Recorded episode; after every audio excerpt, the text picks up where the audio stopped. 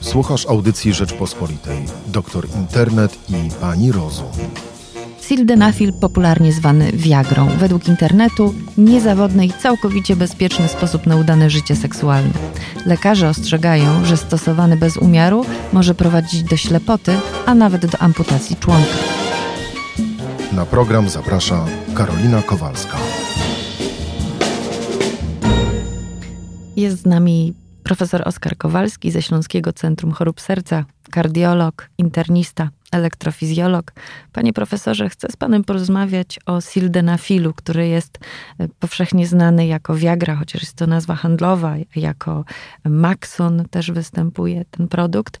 E, w internecie można przeczytać takie zachęty, że no, używajcie do woli, a będzie wam dobrze, a wasze życie seksualne będzie wspaniałe. Tymczasem jest to lek kardiologiczny. E, dzień dobry. Rzeczywiście każdy lek ma swoje e, zalety i ma swoje wady. Nieograniczone korzystanie z każdego e, z leków czy substancji medycznych ma, może mieć swoje konsekwencje. W przypadku sildenafilu oczywiście jest to preparat medyczny, który, który stosujemy w określonej populacji pacjentów, pacjentów często z chorobą o której populacja taka nasza normalna ludzi wie niewiele, bo to są pacjenci z nadciśnieniem płucnym, czyli z podwyższonym ciśnieniem pomiędzy sercem a płucami. To ciśnienie nie mierzy się normalnym manometrem na ramieniu, w związku z tym jest to choroba troszkę bardziej skomplikowana w diagnostyce i rozpoznawaniu i ci pacjenci rzeczywiście tego typu leczenie mają jako leczenie czysto medyczne, w ogóle niezwiązane e, z tym, co czytamy w reklamach o sildenafilu. Natomiast oczywiście, jak każdy preparat medyczny, który ma działanie na organizm, powinien być przyjmowany E, z pewnego rodzaju e, zastanowieniem. Oczywiście my wiemy, że są populacje pacjentów, u których e, zastosowanie sildenafilu wiąże się, czy może się wiązać z ryzykiem. A więc każdy pacjent, który na przykład choruje na przewlekłą niewydolność nerek czy wątroby, powinien skonsultować możliwość zastosowania tego leku, chociażby doraźnie, ponieważ te narządy są nam potrzebne do tego, żeby niejako zutylizować, czyli zużyć, z, e, wyrzucić z organizmu lek, którego później już organizm nie będzie potrzebował. W związku z tym Taki chory właśnie z tego typu niewydolnością nerek czy wątroby yy, powinien podejść do swojego lekarza prowadzącego i zapytać, czy w jego przypadku stosowanie tego leku, choćby doraźnie, jednorazowo, sporadycznie jest bezpieczne czy może sobie na to pozwolić. Zapewne większość z tych pacjentów ten lek doraźnie stosować będzie mogło. Natomiast e, no na pewno warto o to e, swojego lekarza prowadzącego zapytać. Są też populacje pacjentów, u których wiemy, że lek będzie przeciwwskazany. To są pacjenci z wrodzonymi chorobami siatkówki, e, a więc tutaj znowu wizyta u okulisty. Jeżeli wiemy, że mamy jakieś problemy okulistyczne, to ja będę namawiał, żeby e, wizytę u swojego lekarza prowadzącego okulisty zrobić, dlatego że e, nieograniczone stosowanie wiagry może spowodować bardzo duży problem medyczny i wycofanie się z tego problemu, wyleczenie tego problemu medycznego jest w takiej sytuacji trudne. Oczywiście szczególną populacją pacjentów. To ślepota, zapytam, czy to może spowodować ślepotę? E, w skrajnych sytuacjach może do tego dojść. Oczywiście e, to są sytuacje skrajne u jednostkowych pacjentów, wybranych, chorych na bardzo określony stopień e, uszkodzenia siatkówki. Najczęściej mówimy tu o pewnego rodzaju wrodzonych wadach.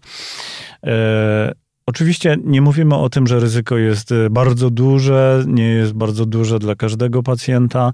Niemniej jednak pacjent, który y, chce stosować lek bardzo często albo y, już wiadomo, że choruje i ma schorzenie okulistyczne, powinien zastosowanie tego leku stosować z umiarem.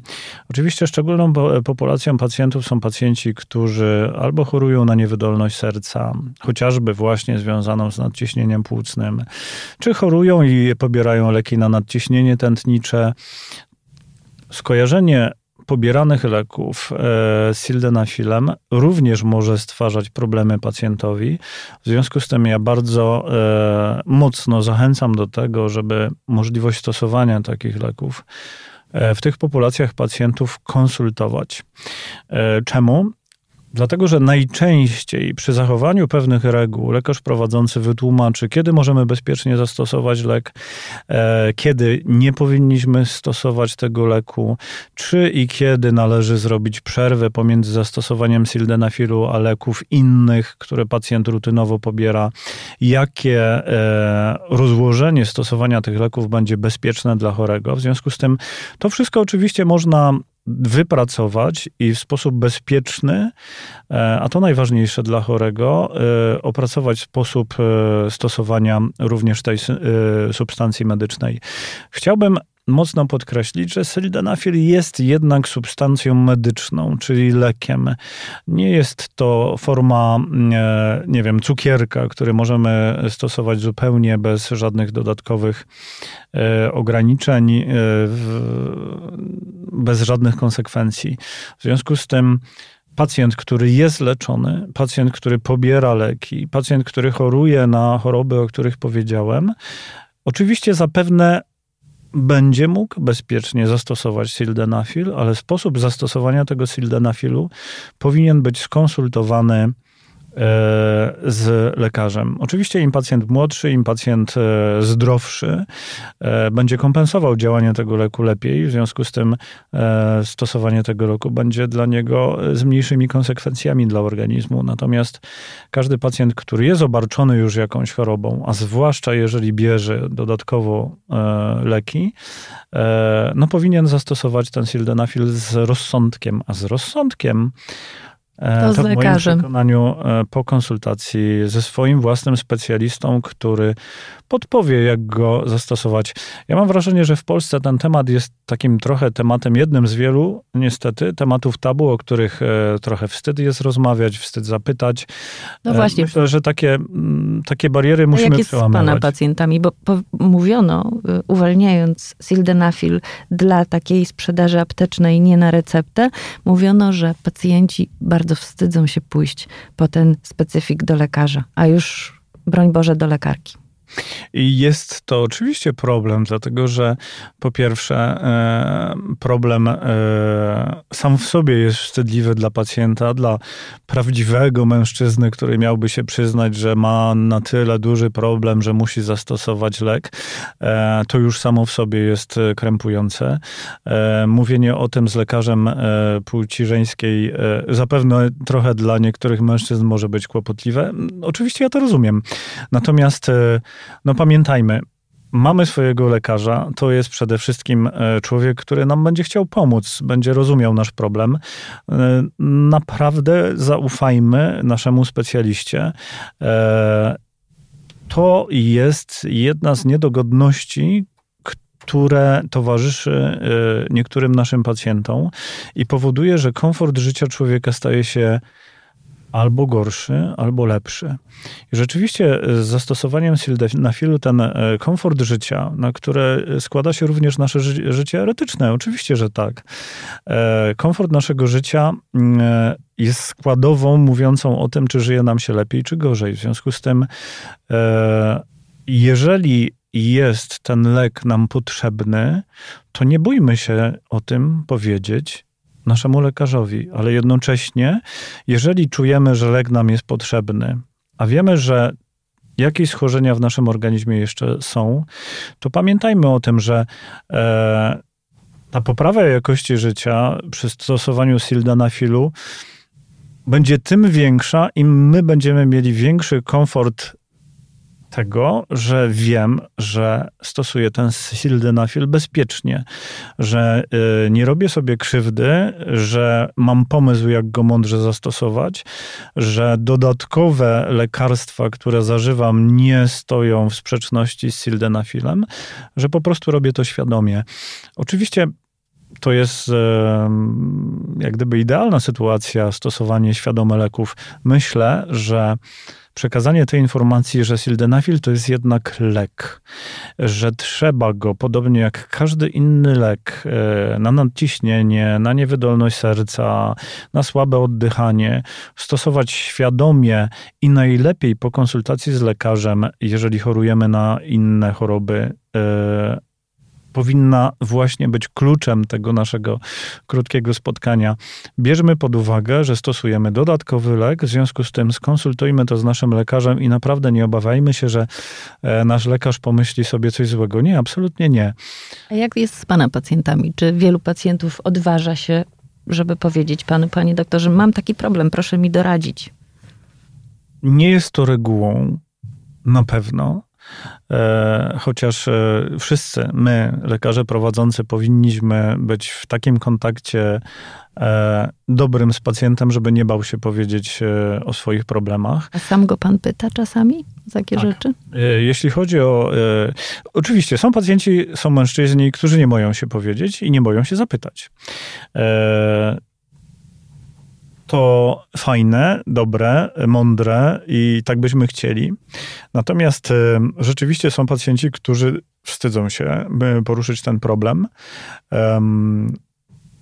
I tutaj nie ma złotej metody, dlatego że czasami lepszym rozwiązaniem jest, jeżeli na przykład w rozmowie uczestniczy partner i partnerka, mąż i żona i wspólnie mówią o tym problemie, ale są czasami e, tacy pacjenci, tacy mężczyźni, którzy w ogóle nie chcą, żeby w tego typu rozmowach uczestniczyła i wiedziała o tym żona czy partnerka. W związku z tym nie ma dla lekarza złotej metody, która powie, e, która jest uniwersalna dla, dla każdego pacjenta i e, no troszeczkę musimy wybadać chorego, czy w ogóle ten problem jest, czy on dla pacjenta jest istotny, czy on potrzebuje w tym zakresie pomocy, czy on łatwiej się otworzy, będąc z nami sam na sam, czy, e, czy z tą najbliższą osobą. No tu nie ma reguły i czasami rzeczywiście dostrzegamy, że nie jest to łatwa rozmowa dla pacjenta. Czy jest, jest grupa rozmowa... wiekowa, panie profesorze, która chętniej mówi o takich rzeczach? Wydaje mi się, że nie, dlatego że zdarzają nam się pacjenci, którzy chorują ciężko i są w wieku dość młodym i e, w efekcie i samej choroby i stosowanych leków mają tego typu problemy.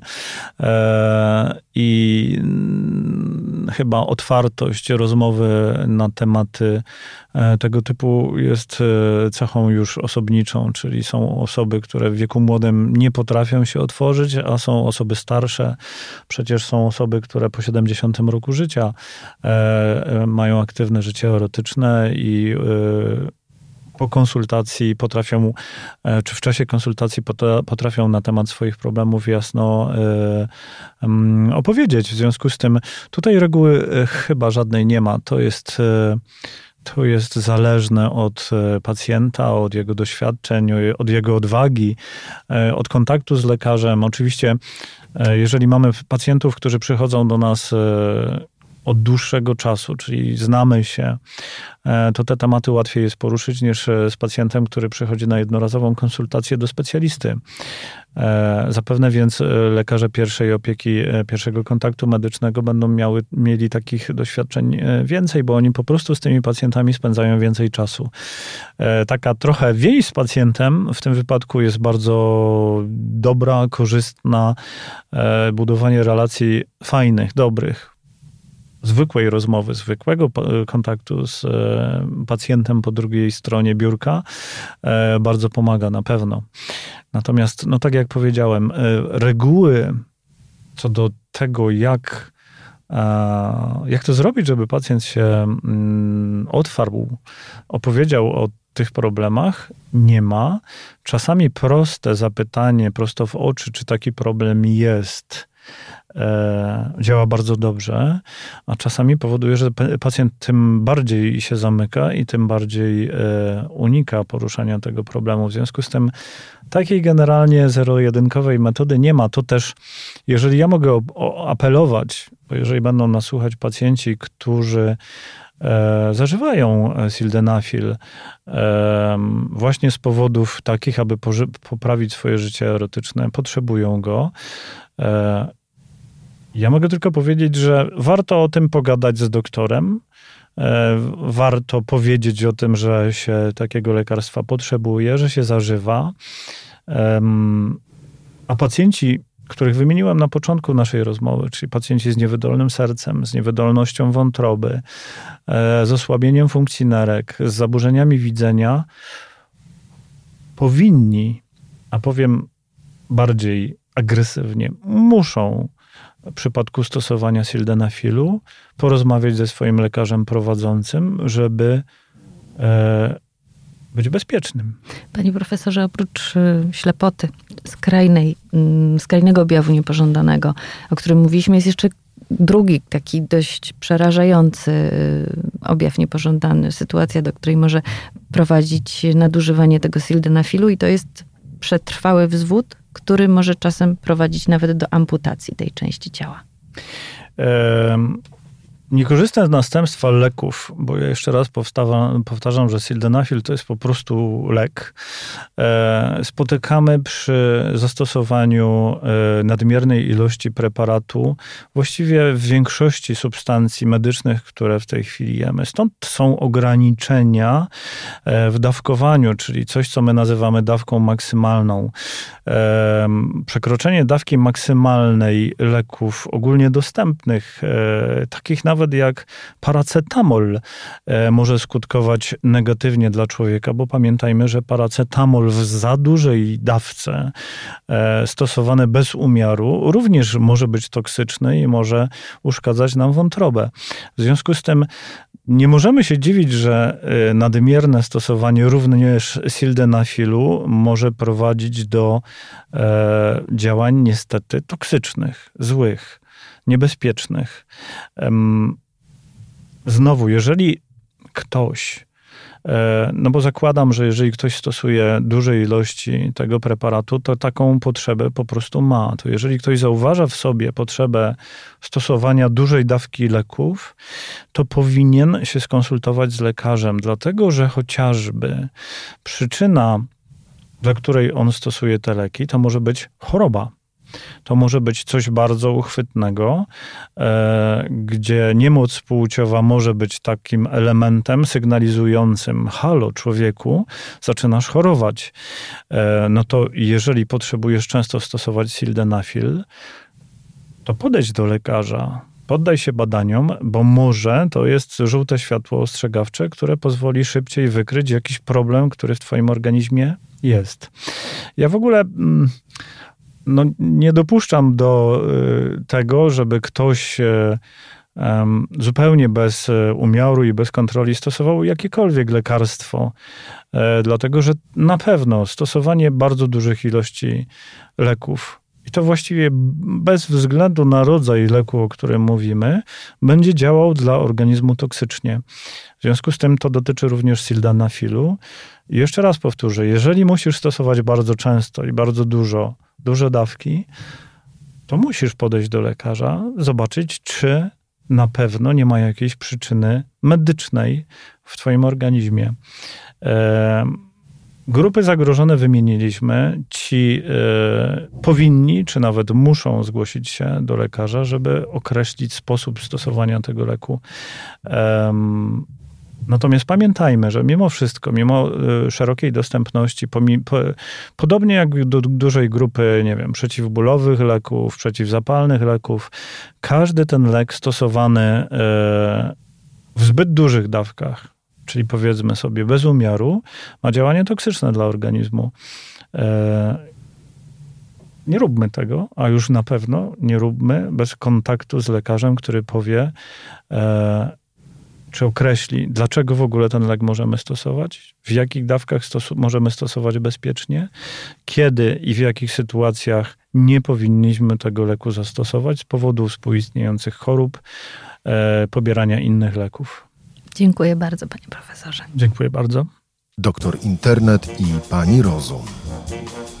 Na bezsenność internet proponuje zolpidem, który można podobno stosować dowoli. Tymczasem zolpidem uzależnia jak heroina i prowadzi do niekontrolowanych wybuchów agresji, po których można trafić nawet do więzienia. studio jest dr Michał Skalski z poradni leczenia zaburzeń snu, katedry i kliniki psychiatrycznej Warszawskiego Uniwersytetu Medycznego. Dzień dobry, panie doktorze. Dzień dobry, dokładnie tak. Troszeczkę y, dla siebie też pana za, zaprosiłam jako osoba cierpiąca na zaburzenia snu, ale wiem, że nie jestem jedyna, pewnie z połowa społeczeństwa. Wieku. No dokładnie tak. Badania sprzed dwóch lat, takie ogólnoeuropejskie, pokazują, że około 30% Europejczyków narzeka na swój sen i z tych 30% 1 trzecia, czyli w sumie 10% ma już stwierdzoną bezsenność jako chorobę, bo to jakby nie, nie, nie jest to tożsame. Y, natomiast rzeczywiście trzeba dodać jeszcze jedną ciekawą rzecz z tych badań, że na tle Europy wyróżniają się trzy kraje. To jest Polska, Węgry i Turcja, gdzie ten odsetek osób skarżących się na sen sięga 50%, także niemal co druga osoba. Dlaczego nie możemy spać? Y, z powodów i, i zewnętrznych, i wewnętrznych. Często się bezsenność nazywa chorobą cywilizacyjną, dlatego że czynniki, które nas otaczają, nie sprzyjają dobremu spaniu. Tu się głównie mówi o braku światła, o, o braku, braku ciszy, o tempie życia, bo tak naprawdę, żeby spać w nocy dobrze, to trzeba mieć dobrze przygotowaną sypialnię, w której warunkiem podstawowym jest ciemno i cicho. Zresztą tak, tak nawet to stosujemy w terapii. I z drugiej strony, żeby przespać dobrze noc, trzeba po pierwsze być odpowiednio aktywnym w ciągu dnia, ale też na te 3-4 godziny przed umieć się wyciszać. Więc zarówno ludzie, którzy na przykład cały dzień nic nie robią, leżą na kanapie, bo na przykład nie mają chorych kręgosłup, będą wtedy spali krócej, płycej i gorzej, ale osoby, które są napędzone na okrągło i tak wracają z pracy albo z siłowni prosto do łóżka, nawet jeśli stracą przytomność, to też jakby pod, pod tą stratą przytomności sen nie będzie zdrowy, nie będzie prawidłowy. Także często jest tak, żeby rzeczywiście dobrze spać, trzeba przywrócić jakąś równowagę. Jest jakiś czas na mniej pracę. pracować? No, mniej, bardziej racjonalnie, bardziej racjonalnie w odpowiednich godzinach. No, to, no, na pewno wszyscy wiedzą, że jednak te pory aktywności społecznej, nie tylko pracy, no bo aktywnością społeczną jest też jakieś tam spotkanie towarzyskie, gdzie się dużo rzeczy dzieje, też to mnie wzbudza. I one się bardzo zmieniły. To znaczy, kiedyś świat wcześniej się usypiał, wcześniej gasł. Myślę, że około godziny 20, 21.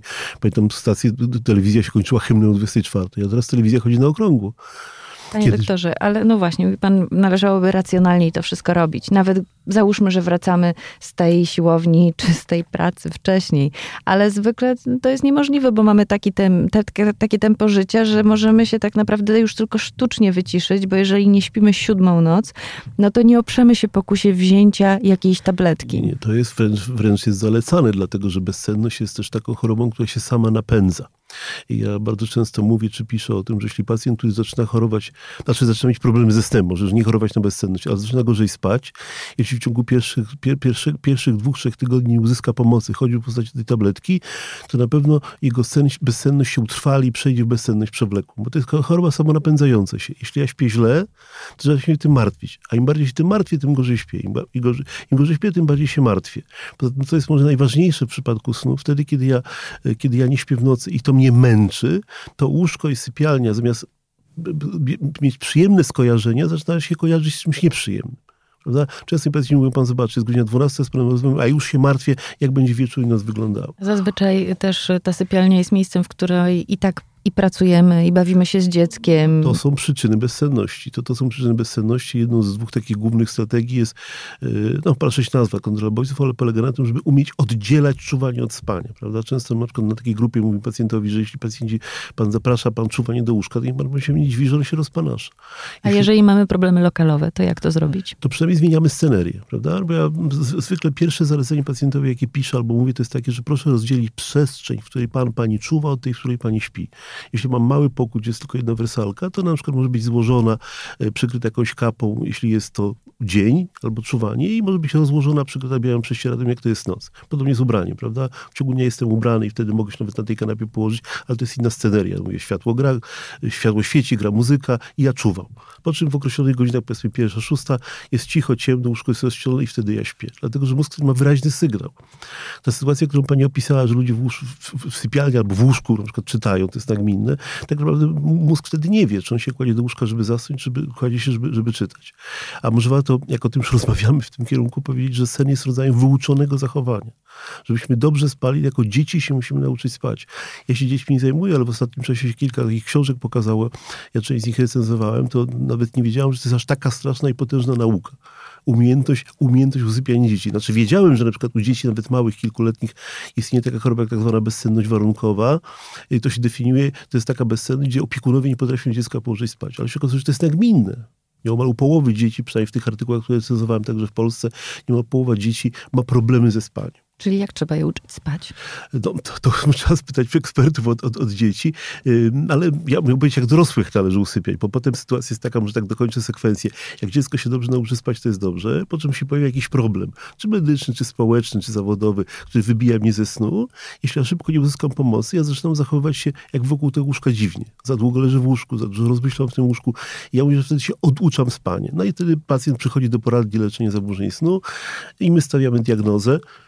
Ale zanim przyjdzie, to jeszcze sobie poeksperymentuje z różnymi rzeczami, które o, poleca mu internet. Oby nie za, oby nie za dużo. Ja pani powiem, tutaj nie chciałbym tak jakby w całości udzielać takich uniwersalnych rad, ale badania, które w ciągu ostatnich 20 lat zrobiono, badania naukowe, pokazały, że większość metod, które ludzie stosują sami z siebie, pogarsza sen. No, to żeby przysłowiowe liczenie baranów, prawda?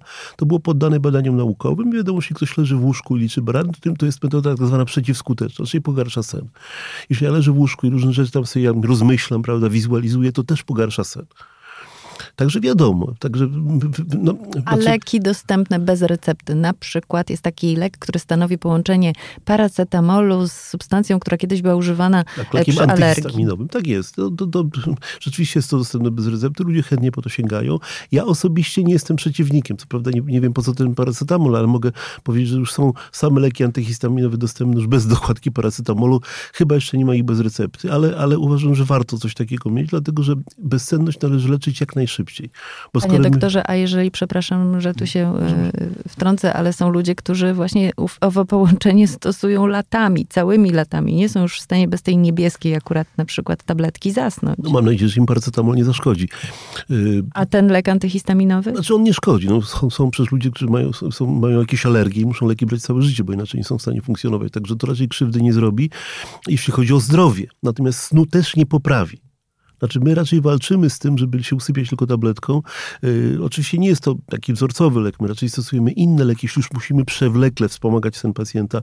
Powiem jeszcze pewnie w jakich sytuacjach tylko to robimy, ale też nawet wtedy zalecamy, żeby jednak robić sobie przerwy. Jeśli pacjent ma słaby sen, prawda, należy tych osób, które mają predyspozycję do bezsenności, to jednak kluczem do jego szczęścia w życiu jest umiejętność radzenia sobie z bezsennością nie tylko tabletką, prawda? Dlatego, że wielu ludzi losnie przespana to jest prawie tragedia. Ojej, stracę pracę, nic nie zrobię. Nie, no, życie lekarza uczy.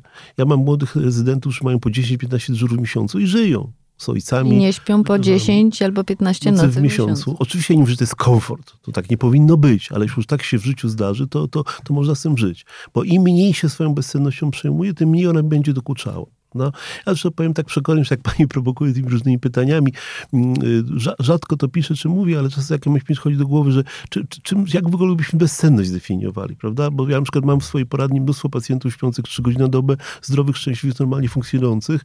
No mam rekordzistów, śpią 20 godzin na dobę i są niezadowoleni, prawda? Ja tak obserwując tych pacjentów przez ostatnie 6 lat mam wrażenie, że tak naprawdę bezsenność to jest taka, powiedzmy, dysproporcja pomiędzy moimi oczekiwaniami a moimi możliwościami. Ja teraz wytłumaczę możliwości to jest to, ile mój mózg w tych warunkach może przespać, prawda? Na to ma szereg czynników, począwszy od wieku, poprzez, nie wiem, wygodne łóżko, intensywność ciągu dnia, szereg elementów medycznych. Także każdy z nas może przespać powiedzmy od 6 do 8 godzin. Tak, pani pewnie 8, ja pewnie 6. Więc jak ja bym oczekiwała, powiedzmy, że ja, ja sypiam około 6 godzin na dobę, to jest moja norma, ale chciałbym spać 8. No dzisiaj słyszałem takie zdanie młodej kobiety, jak ja nie prześpię 8 godzin, to jestem nieprzytomna. To jest akurat nieprawdziwe zdanie. Wszystkie badania naukowe pokazują, że osoby w wieku około 40, śpiące 6 godzin są w dużo lepszej kondycji psychofizycznej od tych, co śpią 8. Ale jak ja mam takie przekonanie, to każdej nocy, której ja nie przespam 8 godzin, staje niezadowolona bo nie zostało spełnione moje oczekiwanie. Więc bardzo często to leczenie polega nie na tym, że my wydłużamy sztucznie sen. Tylko tłumaczymy, że 3 tłumaczymy, godziny... ile człowiek w tym wieku, w takiej sytuacji, z takim zdrowiem jest w stanie spać. No dzisiaj miałem kolejną pacjentkę lat 70 parę, która narzeka na swój sen, ale leży w łóżku od godziny 21 do 8 rano. Prawda? 11 godzin. Mało tego, lekarze jeszcze i tabletki dawali. To już jest absurd. W tym wieku sypia się około 5-6 godzin na dobę. Prawda? Jeśli, także jeśli, jeśli ja wiem, jak, ja, ja nawet piszę, że proszę chodzić spać powiedzmy o 24, wstawać o 5 i spędzać już tylko te 5-6 godzin, bo tyle śpi zdrowy 70-latek. Panie doktorze, a co z tymi ludźmi, którzy właśnie tak bardzo się przejmują swoją y, bezsennością, albo rzeczywiście nie śpią wystarczająco i zaczynają brać różne mocniejsze środki? Środki y, nasenne, wypisywane na receptę, chociażby y, zolpidem, dość popularny. Tutaj pani, jak wymieniła pani dwie grupy pacjentów, moim zdaniem troszkę różne, dlatego że oczywiście są pacjenci, którzy śpią za mało i to jest oczywiste, no bo to jest sam sen jest regulowany różnymi procesami biologicznymi, które mogą nawalić, prawda, łącznie z zegarem. I my wtedy uważamy tak, że jeśli pacjent nie jest w stanie przesypiać średnio co najmniej 5 godzin na dobę, mówię o ludziach, no powiedzmy w średnim wieku między 20 a 60, no to wtedy trzeba to wesprzeć, bo te 5 godzin to jest takie minimum biologiczne, bez którego żyć się specjalnie nie da. Yy, I wtedy podajemy różne leki. I mamy, można powiedzieć tak, dwie kategorie leków. Pani wymienia zolpidem, jeszcze mogę dorzucić izopiklon, izoleplon, to są takie tak zwane 3Z, tak się nawet nazywają w naszym slangu. To są leki, które mają tą zaletę, że one działają bardzo szybko i działają krótko prawda? E, ja pamiętam, jak te leki wchodziły na rynek i, i wypierały tam stare nitrazepamy, estazolamy, to pamiętam, musieliśmy uczyć pacjentów, żeby brali te leki już po położeniu się do łóżka, bo często ludzie z przyzwyczajenia brali godziny wcześniej i zasypiali w drodze do sypialni, gdzieś tam na schodach, progu drzwi i tak dalej. E, że te leki tak zostały wymyślone. Jeśli ja mam tak zwaną bezsenność przygodną, prawda? Mam wrażliwy sen, łatwo reaguję na zmiany pogody, na, na ciśnienie. Ja na przykład przy że czy coś, co mnie zadziwia, większość moich pacjentów, czy pacjentek bardziej, y, nie śpi, jak jest pełnia księżyca, prawda? To nie ma żadnego uzasadnienia medycznego. Kiedyś przed Edisonem to tak, to tak było, prawda? No bo światło jak w dzień. Teraz, moim zdaniem, tło Warszawy jest silniejsze niż światło Księżyca, ale dalej tak jest. Pamiętam pacjentka, która nie spała, przed obu halnym zakopanym, to już teraz wiem, dlaczego nie spała. E, ja w to wierzę. Ja w to wierzę, rzeczywiście, bo to są ludzie generalnie wrażliwi. I teraz, jeśli taka noc poprzez jakieś ważne, ważne wydarzenia, to jest też tym bardziej typowe, prawda? No, mam egzamin, mam ważne spotkanie i tak dalej. Samolot. Co mnie zadziwia na przykład właśnie, bo my mamy nawet taki test, on się nazywa, z nazywa y, odpowiedź bezsennością na stres i tam no, na podstawie bardzo skomplikowanych wyliczeń statystycznych wybrano takich siedem pytań, w których pacjenci ci wrażliwi najczęściej nie śpią. Y, część jest oczywista, no mówię, po kłótni z partnerem przed ważnym wydarzeniem, ale na przykład też przed wyjazdem na urlop, co mnie zawsze zadziwia, ale też większość tych pacjentów ma bezsenną noc. No więc jak ja mam jechać rano na urlop, mam wieść rodzinę samochodem, powiedzmy do Gdańska, no to nie mogę siąść za kierownicę po dwóch godzinach przespania, bo wyląduję w rowie najbliższym. I wtedy mogę się wesprzeć któryś z tych zetek. Ja wtedy idę do łóżka o swojej normalnej porze, powiedzmy o 24, nastawiam budzik na normalną porę, czy powiedzmy siódmą. Jeśli położę się o tej 24, sen nie przyjdzie w ciągu kilku minut, wtedy mogę sobie wziąć tą tabletkę, ona mnie uśpi w ciągu y, kilku minut i na pewno tej siódmej już będzie wypłukana z organizmu, mogę jechać samochodem. My taką sytuację nazywamy bezsennością przygodną, która, mówię, pacjentom wrażliwym się zdarza całe życie. Y, I ta metoda leczenia jest dosyć skuteczna u tych pacjentów, dlatego że jeśli ja, ma, ja mam w ogóle tą tabletkę przy sobie, ja się wtedy mniej boję bezsenności. Bo jakby coś się zdarzy, to ją mogę łyknąć. Też to samo, jak na przykład się obudzę o trzeciej na siusiu, wrócę do łóżka, nie zasypiam, mogę sobie wtedy wziąć powiedzmy pół tabletki i też zasnę szybko i się obudzę o siódmej rano. Tyle tylko, że tabletki mają też to nieszczęście, że one bardzo silnie uzależniają. Y, I tutaj no już nie chcę, nie chcę sypiać rekordami, ale pacjentów biorących po kilka, kilkanaście tabletek, to mam praktycznie każdego tygodnia wielu. Rekordziści, rekordzistka to była młoda kobieta, niespełna 40, brała 130 tabletek dziennie, żeby zasnąć. I można żyć. No to już nie jest życie, to jest taki stan intoksykacji. To ja, przepraszam za brzydkie słowo, to jest ludzie narkomania. Dokładnie tak. tak. Znaczy, wie pani, że to, to jest w ogóle problem tych leków tak zwanych benzodiazepinowych, bo warto powiedzieć, że te, te trzy zetki, które, które, o których rozmawiamy, są jakby ewolucyjnie, wy, wywodzą się z benzodiazepin, czyli do naszego polskiego tam, nie wiem, relanium, nitrazepam, estazolam i tak dalej. E, tamte leki były jeszcze silniejsze, jeszcze silniej uzależniają, więc myśmy na początku XXI wieku te stare leki benzodiazepinowe zastąpili tymi nowymi, nie benzodiazepinowymi, ale de facto te leki działają bardzo podobnie. Nam się wydawało, że one są na tyle łagodne, że ludzie nie będą ich nadużywać, no ale niestety ich nadużywają. Także może mając okazję, warto powiedzieć, że jeśli biorę leki z grupy tych leków benzodiazepinowych, wolno je brać maksymalnie dwa tygodnie. To jest w każdej ulotce wpisane. Sama mam znajomych, którzy biorą te leki no, miesiącami, jeśli nie tygodniami. I dwie takie historie, zresztą jedna usłyszana dzisiaj rano podczas rozmowy z lekarzem rodzinnym, który opowiadał o swojej pacjentce. Pacjentka wzięła jedną taką tabletkę, brała rzeczywiście rzadko, ale wzięła jedną i popiła to dwiema y, szklankami, dwie, dwoma kieliszkami wina. Zbrodnia. I zaczęła mieć objawy, to akurat lekarz, więc powiedział, użył sformułowania medycznego, objawy majaczyniowe. Widziała ludziki, których nie było, słyszała głosy, których nie było. Natomiast mam sama znajomą, która brała takie leki też dłużej niż powinna była je brać i w pewnym momencie opowiedziała mi przerażającą historię. Obudziła się rano, zobaczyła zastawiony stół y, kilkoma nakryciami i potem sobie jak przez mgłę przypomniała, że tymi wszystkimi osobami, które wczoraj biesiadowały, była ona i ona z nimi wszystkimi jednocześnie rozmawiała. To jest bardzo często opisywane zjawisko. Ono czasami przybiera charakter tragiczny. Ja mam parę osób, które w takim stanie zaburzonych świadomości popełniły coś złego i siedzą w więzieniu. Na przykład wystarczy, że ojciec molestuje małoletnie dziecko, czy, czy zrobił krzywdę komuś z domowników. Y, zresztą, wie pani, to jest oczywiste. To są leki, które bardzo, mówię, to są takie usypiacze, prawda? One nic nie leczą, one usypiają, prawie jak narkoza. Y, I one dość szybko zwijają tolerancję. Czyli z każdym kolejnym dniem brania tego leku one działają coraz słabiej. Już to wszyscy pacjenci pamiętają. A doktor, jak pierwszy raz wziąłem tabletkę, spałem 8 godzin, teraz biorę 5 i budzę się po 3. Więc dochodzi do takiej sytuacji, której ten lek mnie uśpił trochę, ale nie całkiem. Więc ja, nie mając świadomości, bo jestem uśpiony lekiem, jednocześnie wykonuję różne czynności. A co wykonuje będąc nieprzytomnym, to już tak jak człowiek pijany. Znaczy, ja powiem, to... Gorzej. To, no, takie, takie, znaczy, my rozdzielmy, bo tego typu reakcje występują nawet i bez połączenia z alkoholem. Y, zwykle częściej u kobiet, częściej u ludzi w starszym wieku. Zresztą z tego na przykład względu Amerykanie już z 5 lat temu, pani tutaj wymieniła ten zolpidem jako typowy lek, to już na przykład zastrzegli, że kobiety, niezależnie od wieku, powinny brać maksymalnie pół tabletki, bo na całej tabletce opisywało się takie sytuacje, które pani mówi. Połączenie tych leków benzodiazepinowych z alkoholem to jest zbrodnia, dlatego że to może być, wie pani, to są dwa leki, które hamują mózg w różnych mechanizmach. O ile samo wzięcie zolpidemu, ja może nie powinienem tego mówić publicznie w radiu, ale może tego zolpidemu mówić tam, mówię, 100 tabletek i nic mi się nie stanie, poza tym, że będę w cudzysłowie naćpany, ale połączenie tego z innym lekiem hamulcowym może spowodować śmierć, czyli zatrzymanie ośrodka krążenia. Lub takie zachowanie, które pani opisała. Ja też miałem pacjenta, który też sobie popił wódeczką z i zdemolował mieszkanie. Nic nie pamiętał. Rano się go dziwi, że tak niego przestraszeni patrzą domownicy, on ma pokaleczone ręce. Także, także zresztą, ale wie pani, no to, to, to, będzie z każdym lekiem niewłaściwie używanym. Ja to powiedziałem, że można te leki brać maksymalnie dwa tygodnie, jak bierze w sposób ciągły. Można je brać dłużej pod warunkiem brania tak zwanego doraźnego, czy amerykanie chcą asnidyt, a to znaczy, że biorę go nie częściej jak raz dwa razy w tygodniu. I to biorę nie wtedy, kiedy źle śpię, tylko wtedy, kiedy rano muszę być w dobrej formie. Bo gdzieś jadę samochodem, mam ważne jakieś spotkanie, prawda, od którego tam zależy moja kariera, czy, to wtedy biorę. Czyli tak naprawdę warunkiem, jeśli, jeśli mam wrażliwy sen i mam te przypadki bezsenności przygodnej, zawsze te leki powinnam gdzieś tam w torebce, czy najlepiej przy łóżku, bo świadomość, że mam ten lek powoduje, że ja trochę spokojniej zasypiam, ale biorę je tylko wtedy, kiedy trzeba. Jeszcze pani na przykład mam takie zdanie, że mówię pacjentowi, jak przychodzi ta noc i pani spać nie może, zawsze pani ma wybór, prawda? Albo, albo tabletka, albo ciekawa książka. Co jest lepsze, co jest zdrowsze? Tak naprawdę zależy od tego, co ja mam robić następnego dnia. Panie doktorze, a co z ludźmi, którzy już się uzależnią od tych zolpidemów, przechodzą i, i, jak pan ich To o, oceniam, że to mniej więcej co trzecia osoba. Tutaj mogę, no, mogę się pochwalić publicznie, bo nawet musiałem robić takie zestawienia z okazji różnych zjazdów. Yy, oceniam, że co najmniej co trzecia osoba, która przychodzi jest uzależniona. No, dzisiaj nawet z pacjentką się kłóciłem, że ona nie jest uzależniona, no tam że mało. To nie, wystarczy, że ja biorę jedną tabletkę regularnie dłużej niż 3 miesiące i już mogę powiedzieć o pacjencie, że jest uzależniony. Dlatego, bo tutaj ludzie mylą te stany, trochę takie z alkoholem, prawda? To nie trzeba być pijakiem, co się upija codziennie po litr i wpada w rynsztok.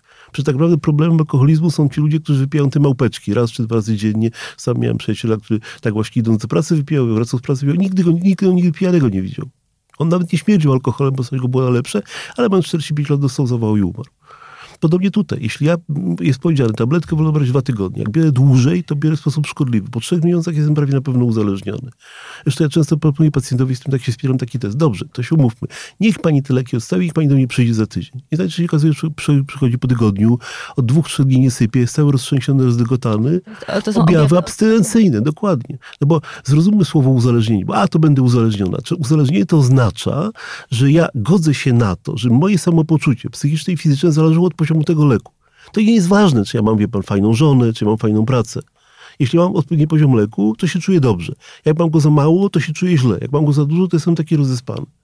Ja często nawet mówię młodym lekarzom, których uczę, że jak macie pacjenta uzależnionego, no właśnie od substancji chemicznej, to mówimy o lekach nasennych, to nawet nie jesteśmy w stanie ocenić stanu psychicznego.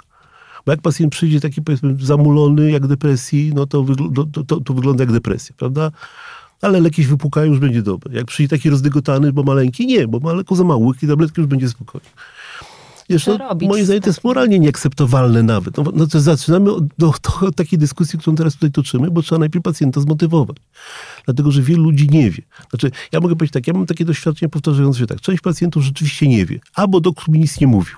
Okej, okay, no to ja mówię, że to bardzo szkodzi. Pokazuję zdjęcie Michaela Jacksona, był tak uzależniony, że umarł. Pokazuję różne inne szczęścia, że to, te osoby często pamiętają, ale tak, rzeczywiście, no ciotka tak brała, to wygląda jak zombie wyglądała. I zwykle ci ludzie odstawiają od razu pierwszego dnia. Jak już dowiadują się, że branie w ten sposób szkodzi, to odstawiają z marszu. To nie jest zalecane, ale tak robią. Czyli powiedzmy na pacjentów, powiedzmy setkę pacjentów połowa odstawia z marszu, prawda? E, druga połowa zaczyna wtedy się stosować zaleceń i zalecenie jest takie, że to jest jedyna substancja uzależniająca, e, bo trzeba znowu dodać, że te benzodiazepiny działają na ten sam prawie receptor co alkohol. Bardzo podobnie. Mają tak, tak zwaną tolerancję krzyżową. Jeden drugi może zastąpić. Tyle tylko, że alkoholu się nie da odstawiać stopniowo. To jest niewykonalne. O tyle te leki się odstawia stopniowo. Prawda? Jeśli na przykład pacjent bierze powiedzmy trzy tabletki, y, już doszedł do trzech tabletek, to odstawia w tempie pół ćwierć tabletki co jeden, dwa tygodnie. W tempie takim swoim własnym. Wtedy już po powolnym odstawieniu można zminimalizować te, te, te, te objawy abstynencyjne. Może ich prawie nie być. Poza tym można je wyciszyć jakimś lekiem. No pani na przykład wymienia te leki antyhistaminowe, które mogą wyciszać to pobudzenie. Tylko oczywiście trzeba być świadomym tego, że ten czas czas odstawiania, czy to będzie trwało miesiąc, czy pół roku, pacjent może się czuć trochę gorzej.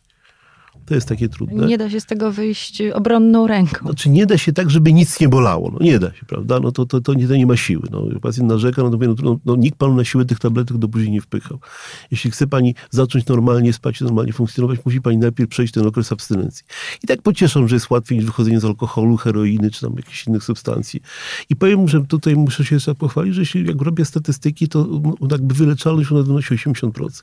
Czyli jak pacjent podejmie się próby odstawiania, to 8 osób na 10 w ciągu powiedzmy pół roku się z tymi lekami żegna. Ci, co sobie nie dają rady, to też mam pocieszającą informację, że no przynajmniej w Warszawie jest taki oddział dla pacjentów uzależnionych od benzodiazepin w Instytucie Psychiatrii i Neurologii. I tam można sobie to zrobić w warunkach już powiedzmy stacjonalnych. Także, także no, to, ale od tego trzeba w ogóle zacząć. Czyli to też tak apeluję, to jeśli słuchają nasz lekarze, jeśli przychodzi pacjent uzależniony od benzodiazepin, to niezależnie jak on ma chorobę, czy on ma cukrzycę, czy on ma ciśnienie, trzeba najpierw od tego zacząć. Dlatego, że jak się go nie... To też pamiętajmy, że też ten, u tego pacjenta ciśnienie zależy od poziomu tego leku. Poziom cukru zależy od poziomu tego leku. To jest uzależnienie. Więc jak się tego nie odstawi, to nie mamy szansy go wyleczyć na żadną inną chorobę. Panie doktorze, jestem sobie w stanie wyobrazić, że taki y, człowiek, czy uzależniony od trzech tabletek, czy uzależniony od tej jednej branej, ma taką obawę. Dobrze, ja, będę, ja pójdę, ja się przeleczę, ja to odstawię, a jak ja potem całe całe życie będę spał. To co, ja już będę musiał zawsze biegać, żeby, żeby spać? Nie. Tutaj znowu, statystyki są bardzo ciekawe, dlatego że się okazuje, że na tych 100 osób, które, które były uzależnione i odstawiły leki, połowa nie ma żadnych dolegliwości. To brutalna prawda. Ja mówię pacjentowi, że no, ma, tak naprawdę jak pan to powiedzmy w ciągu dwóch, trzech miesięcy ma pan 50% szansy, że nic nie będzie się z panem działo.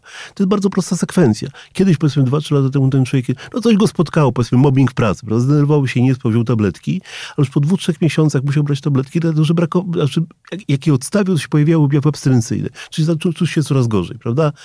Gorzej spał, wziął tabletkę, już się czuł lepiej. No, czy spał, czy nie spał, to nie ma znaczenia. Mogę jeszcze powiedzieć, że tak naprawdę po trzech miesiącach te tabletki przestają działać w ogóle na sen. Nie można je brać czy, czy w dzień, czy, czy w nocy. Miałem mam sporo kolegów lekarzy, którzy sobie łykali rano przed pracą te, te leki nasenne, żeby sobie poziom wyrównać, żeby w pracy funkcjonować. To powszechne zjawisko. Pacjentki, które są bardzo uzależnione, to co godzinę muszą tabletkę łykać, jak szybko ten lek eliminują. Także się okazuje, że orze, może owszem, dwa lata temu pacjent potrzebował tego, tego leku, ale już od dwóch lat go nie potrzebuje. Bierze go tylko dlatego, żeby łagodzić objawy braku tego leku. No, to jest absurdalne z medycznego punktu widzenia.